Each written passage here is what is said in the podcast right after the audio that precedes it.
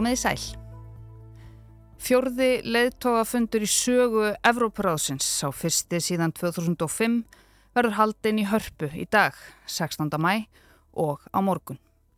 Hátti í 50 þjóðarleðtogar sem stýra löndunum í álfunni okkar eru ímist á leið til landsins eða komin og klukkan hálf fimm í dag, ef þið eruð að hlusta í línulegri dagskrá á rás 1 þar að segja, Það voru búið að sækja þau á glænýjum ádýbílum, keira þau eftir lokuðum strætum miðborgarinnar undir vökulum, augum, sér, þjálfaðra og þungvopnaðra lauruglumanna og hvenna til að þau getu öll hist og rætt málinn með það að markmiði að koma á friði í Evrópu, draga rúsa til ábyrðar fyrir glæpi sína og almennt stilla saman strengi. Ég heiti Sunna Valgeradóttir og held ég nú áfram á samt kollega mínum af fréttastofinni með umfjöllun þetta helst um fólkið sem stjórnar Evrópu í þessum síðari þætti um leðtóafundin í hörpu.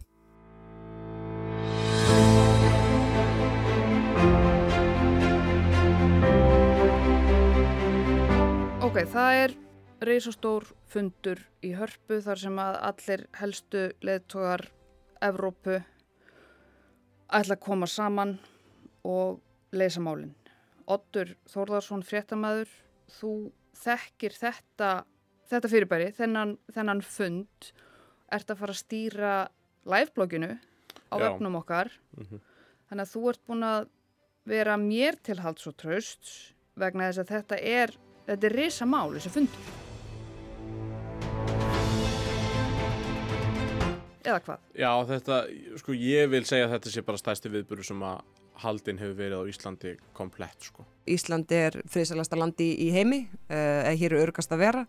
Ímsum fannst að passa að það væri á Íslandi og við svona vorum ekki aggressífi því að, að pressa á það að nýrði haldin hér en við svona unnum að því að það væri öllum ljóst að við gætum það, við værum tilbúin, það væri heiður að gera það af því að við trúðum því að það skipti máli og, og svona létum vita af þeim vilja okkar ég myndi segja að vera okkur stemming líka fyrir því að það er þið haldið á Íslandi Men Ísland er með sínu sögu um, um hérna, fyrrum fundi sem að hafa skipt máli í sögunni En allt var þetta tilbúið er bandarækjafósiti lendi hér á 15. skvöldi 9. oktober og Gorbachev lendi síðan daginn eftir Á lögatarsmórni hófust marathónfundi leiðtóana í höfða en samtals rættust þeir við á þessum tveimur dögum í nær halvan sólarhing meðan augu heimsins mændu á hurðarhún á gömlu timburhúsi sem grunulega á að remleikar væru í. Þessi hugmynd kom upp hvort að væri komið tími til að halda leittófund sem hefur ekki verið haldin síðan í, í Varsjátt. Þannig að það endur spekla líka alvarlega stöðu uh, því að við værum, það, það, er, það, er, það er ástæðan fyrir því að, að verið er að kalla til fundar og kalla alla þessa leittóa á, á þannan fund til þess að fá þessa skuldbindingum að við ætlum að gera allt sem við getum til þess að standa vörðum þessi gildi fyrir Úkrænu, fyrir hérna, alla Evrópubúa Þetta var Þórtís Kolbrún Reykjörð Gilvadóttir utanríkisráþara í vikulokunum á lögadaginn. En við ottur við byrjuðum að fara yfir nafnalistan í fyrri þætti þetta helstum leðtúafundin, við tjekkuðum í mætingarklattan. Þegar við töluðum saman sem var á lögadaginn var listin reyndar ekki orðin opinberað fullu en við vorum með nokkur nöfn á bladi. Og þau nöfn voru meðal annars Jónas Gar Störi, fórstsáru Noregs, hann er að koma. Svo er það Katrína Sakelaropoulou það er Maja Sandu frá Moldófu, það er Sáli Nínustu fórseti Finnlands, mm -hmm. svo er Olaf Scholz, Þýskalandkanslari Makrón er líka búin að staðfesta. Akkurat. Uh, Andrei Duda, uh, fórseti Póllands. Og við ætlum að halda aðeins áfram að tjekka í kladdan í dag og skoða fólkið sem er að koma á leðtógafund Evróparáðsins í hörpu. Uh, Rísi Súnak, fórseti Sári Breitlands hann er vantæðilegur mm -hmm. About a young woman almost a lifetime ago who boarded a plane armed with hope for a better life and the love of her family. Hér heyriði Rísi Súnak, nýjan fórsetisráð þeirra Bretlands, kynna sig fyrir kjósendum í kostningaauglýsingu eða öllu heldur segja söguna af fjölskyldu sinni. Harðduglegum innflytjendum sem ólu hann upp og komið til manns. Hann er fættur í mæ 1980, er yfirlega færtugur, indversk ættaður, ætið sérlega snirtilega til fara og vel greittur, ólíkt forveranum Boris Johnson sem er alltaf einhvern veginn eins og hann hafi sofið yllilega yfir sig. Og Súnak er velmentaður, velkvæntur, mjög velkvæntur, allavega hortir á hjónabandið frá fjárhagslegum sjónarhóli. Egin kona hins nýja fórsættisráð þeirra breyta er ein efnaðasta kona landsins og hann þar með. Þetta var brot úr þetta helst síðan í november þegar Breitland hafi fengið enn einn fórsættisráðurann eftir snörp stólaskipti á stuttum tíma. Og þessi fórsættisráðura situr þar enn, Rishi Sunak. Höldum áfram með nafnalistan. Úrsula von der Leyen, uh, fórsetið frangvöldustjórnar Europasambandsins, hún er líka vantanleg, hún er svona, uh, það má segja fórsætisráð þar Europasambandsins, svona til einföldunar. Fyrir um það byrj fjórum árum voru stólaskipti hjá ESB og þau gengu ekki þrauta laust, það var vesen að finna mannesku til þess að stýra batteríunu. Og eftir mikið streð fannst kona sem flest sættu sig við og það var engin smá kona, hún er læknir og varnarmálar á þeirra og hún heitir Ursula von der Leyen, nýr framkvæmdastjóri ESB þarna 2019. Von der Leyen er flokksistir Angelu Merkel þá kanslara í kristilegum demokrautum Þískalands en Ursula fekk Európusambandið kortir í Brexit og heimsfaraldur og hefur bara leist verkefnin tiltölulega vel af hendi, skilst mér. Og vondarlegin hún er á heimavelli í Brussel hvar hún er fætt 1958. Pappennar var hátsettur embætismæður hjá Evrópubandaleginu og hún byrjaði námsferilsinn á hagfræði en skipti yfir í læknisfræði. Maðurinn hennar, læknirinn Heiko von der Leyen er af aðalsættum en von der Leyen ættin auðgaðist á silkiviðskiptum fyrir mjög, mjög mörgum árum og þau eru enn moldrík í dag. En Úrsula von der Leyen er alls ekki bara eigin kona silki erfingja eins og þegar Jóhann Hlíðar Harðarsson og Artur Björgvin Bodlason fóru yfir á morgunvaktinni sumari 2019 þegar var nýbúða tilkynna hver yrði hinn nýji leðtogi ESB. Hún er náttúrulega veraldarvöðin kona og fölvun uh, í alþjóðarsamskiptum. Hún á sér langan feril í, í þýskum stjórnmálum. Merkel byrjaði að því að gera hann að, að fjölskyldum að lára á þeirra í sinni fyrstu ríkistjórn 2005 Árið 2010 þá var Úrsula von der Leyen orðu við fórsetta ennbætti hér í Ískalandi. Svo var hún lengi vel eh, orðu við, sagða að, að hún myndi taka, var að tala um, hún tæki við Merkel sem kanslari. Von der Leyen er sem sé markfaldur ráð þeirra, læknir og svo á hún líka nokkur börn. Hún var nánar tiltekið sjö stykki. Hún er að sluta til alin upp í Brussel og talar reyðbrendi franku og síðan bjóð hún uh, í bandaríklanum í nokkur ár og tala mjög góða ennsku líka. Þannig hún er tungumálamanniski mjög frekt. Frau Bundeskanzlerin, liebe Angela, Herr Bundeskanzler Ade, lieber Wolfgang Schüssel, liebe Gäste. Vor 30 Jahren verbreitete sich die Nachricht, Et l'expérience de la France assume la présidence du Conseil dans un moment si délicat. Car la voix de la France porte In questo momento così difficile, vorrei dire a tutti voi. War has returned to Europe. Almost 30 years after the Balkan Wars and over half a century after Soviet troops marched into Prague and Budapest, civil defense sirens again went off in the heart of a European capital. Mette Fredriksen, fórsettisraður að frænda okkar í Danmarku, hún er að koma.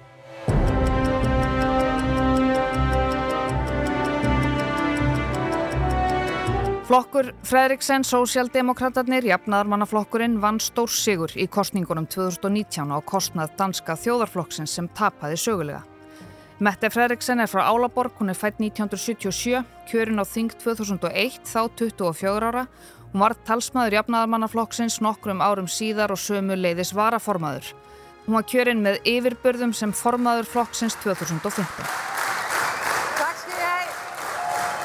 Mette Fredriksen komst svo all hressilega til valda eftir þingkostningarnar 2019 eins og þeir félagar Björn Þór Sigbjörnsson og Bóji Ágústsson fjölluðu um á morgunvaktinni þegar það var allt saman að gerast. Hún hefur verið í pólitik eiginlega alveg alla sína tíð Já. og uh, hefur staðið sér bísna vel og hún náttúrulega ítti Helli Tóning Smith út eftir síðustu kostningar. Um, hún er aðeins lengra til vinstri heldur en að Helið Torning var að hún er með kortin á, á, á, á hendinni. Hún, hún stendur mjög sterft Það var krafa Freyriksson uh, eiginlega alveg frá upphafi að uh, það erðu bara jafnaðamenn sem að skipiðu stjórnina. Hún fekk sínu framgengt og hún hefur raunverulega líst því yfir að landið sem hún stjórni ætli að minka losun gróðurhúsaloftengandu um 70% Mette Fredriksen hún lendi líka í minkavesenni í heimsfaraldrinum þegar hún fyrirskipaði slátrun á öllum minkum Danmerkur. Það var ákverðun sem var byggð á villandi upplýsingum, kom svo í ljós og það reyndist dýrkeift. Svo dýrkeift reyndar að það var búið til nýra kostninga síðasta vetur. En Mette Fredriksen hún kjælt velli og er enn fórsetisað þegar Danmerkur. Før Putin sendte sine tropper ind i Ukraine, der er igen krig i Europa. Uh, fleiri, við erum með Giorgia Meloni uh, úr bræðralagi Ítalíu. Hún er nú aldeilis umdelt. Hún er aldeilis umdelt, sérstaklega vegna umræðu um hinsegin fólk og, og svona... Og. Innflytjendur og svona félagslega stopnarnir í, í ítalsku samfélagi, hjónaband og annað. Og hún hefur sterkar skoðanir á þessu sem ekki allir eru sátti við. Hún er að koma. Nafn flokksins var fengið úr fyrstu orðum ítalska þjóðsöngsins Fratelli d'Italia, bræðralag Ítalju.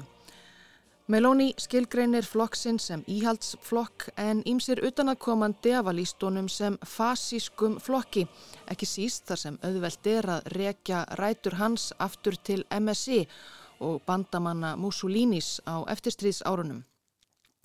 Meloni hafnar því þó alfarið þegar hún er kolluð fasisti eða nýfasisti í pressunni, segir að ítalskur fasismi heyri sögunni til. Ég fel mig aldrei. Ef ég væri fasisti myndi ég segja að ég væri fasisti, saði hún í viðtali í breskablaðinu Spectator á dögunum. Ekki fer hún þó lengt með að hún og flokkur hennar eru ansi langt til hægri. Helstu stefnumál Meloni fyrir kostningarnar í áru voru að lækka skatta, draga úr skrifræði og auka útgjöld til varnarmála. En hún hefur einnig mælt fyrir því að landamærum Ítalíu sé lokað fyrir ströymi, innflytjanda og flótafólks. Hún er á móti fjölmenningu og hefur verið sökuð um útlendinga, andúð og sérilagi andúð á múslimum. Þetta var brot úr þetta helst þætti um Giorgio Maloney sem fór í lofti síðasta haust. Og auðvitað er þessi nafna upptalning okkar odds ekki tæmandi til dæmis er enn ekki vitað hvort ákveðin pólitísk stórstjarnar mæti eða ekki. Þetta minnir mér svolítið á hérna Pfizer-samningin, mástu? Já. Þegar allir virtust vita að, að Ísland væri búið að gera eitthvað samning við Pfizer um bóluefni handa öllum íslendingum. Síðan Alveg gerðist rétt. það bara ekki. Ég held að við gætum runnið á samskonar hátt á raskatið, svo kannski bara kemur sér lenski ekkert.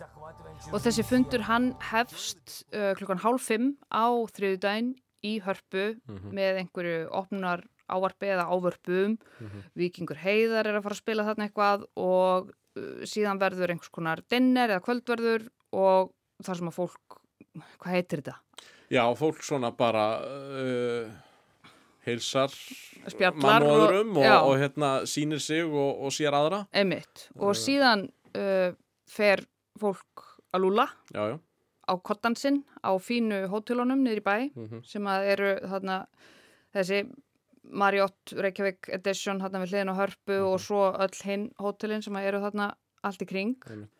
en síðan á miðvíkudeginum Mhm. þá heldur fundurinn áfram þar sem að verður væntalega skrifað undir svo kallar Reykjavík Declaration sem að ég vona að verði til dæmis yfirlýsing sem verður vísað í og notuð uh, um langa framtíð en hún er í raun um, um þessi gildi sem þetta verður að vega að og ráðast á Þa, það er aðal dagurinn, sko. Þá, Mhm.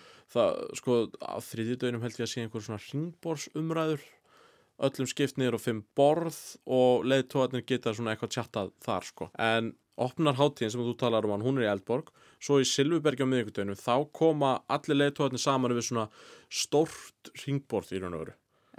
uh, allir saman sko Mhm. og er að eitthvað að- ræða sín á milli svona hvernig taka mig saman það tjón sem að rússar hafa valdið í Ukrænu með innrásinni og uh, eftir þetta uh, þá verður haldin blamarafundur þá er tilkynnt uh, þetta eru niðurstöðu fundanist þetta er Reykjavíkur samþyktin og þá mun komið ljós hversu langt þessi leittóar hafa gengið í einhvers konar samþyktum að því að þú ert með aðelda Európaráðinu þá skuldbindur þig með einhvern svona samningum, svona samþyktum til þess að gera eitthvað. Þetta eru lofórð um að við ætlum að gera þetta og þetta og þetta.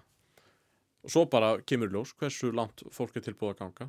Og það er vantilega von þeirra sem að standa þessu hér Þórtís Kolbrún, Katrín Jakobsdóttir, sem eru geskjaf þessar fundar að menn gangi sem lengst til þess að þetta verði sem sögulegast. Mm -hmm. Þetta er fundur sem ég held að hann verði sögulegur og ég held að til hans verði vísað um langa framtíð. Það er það sem fólk vil.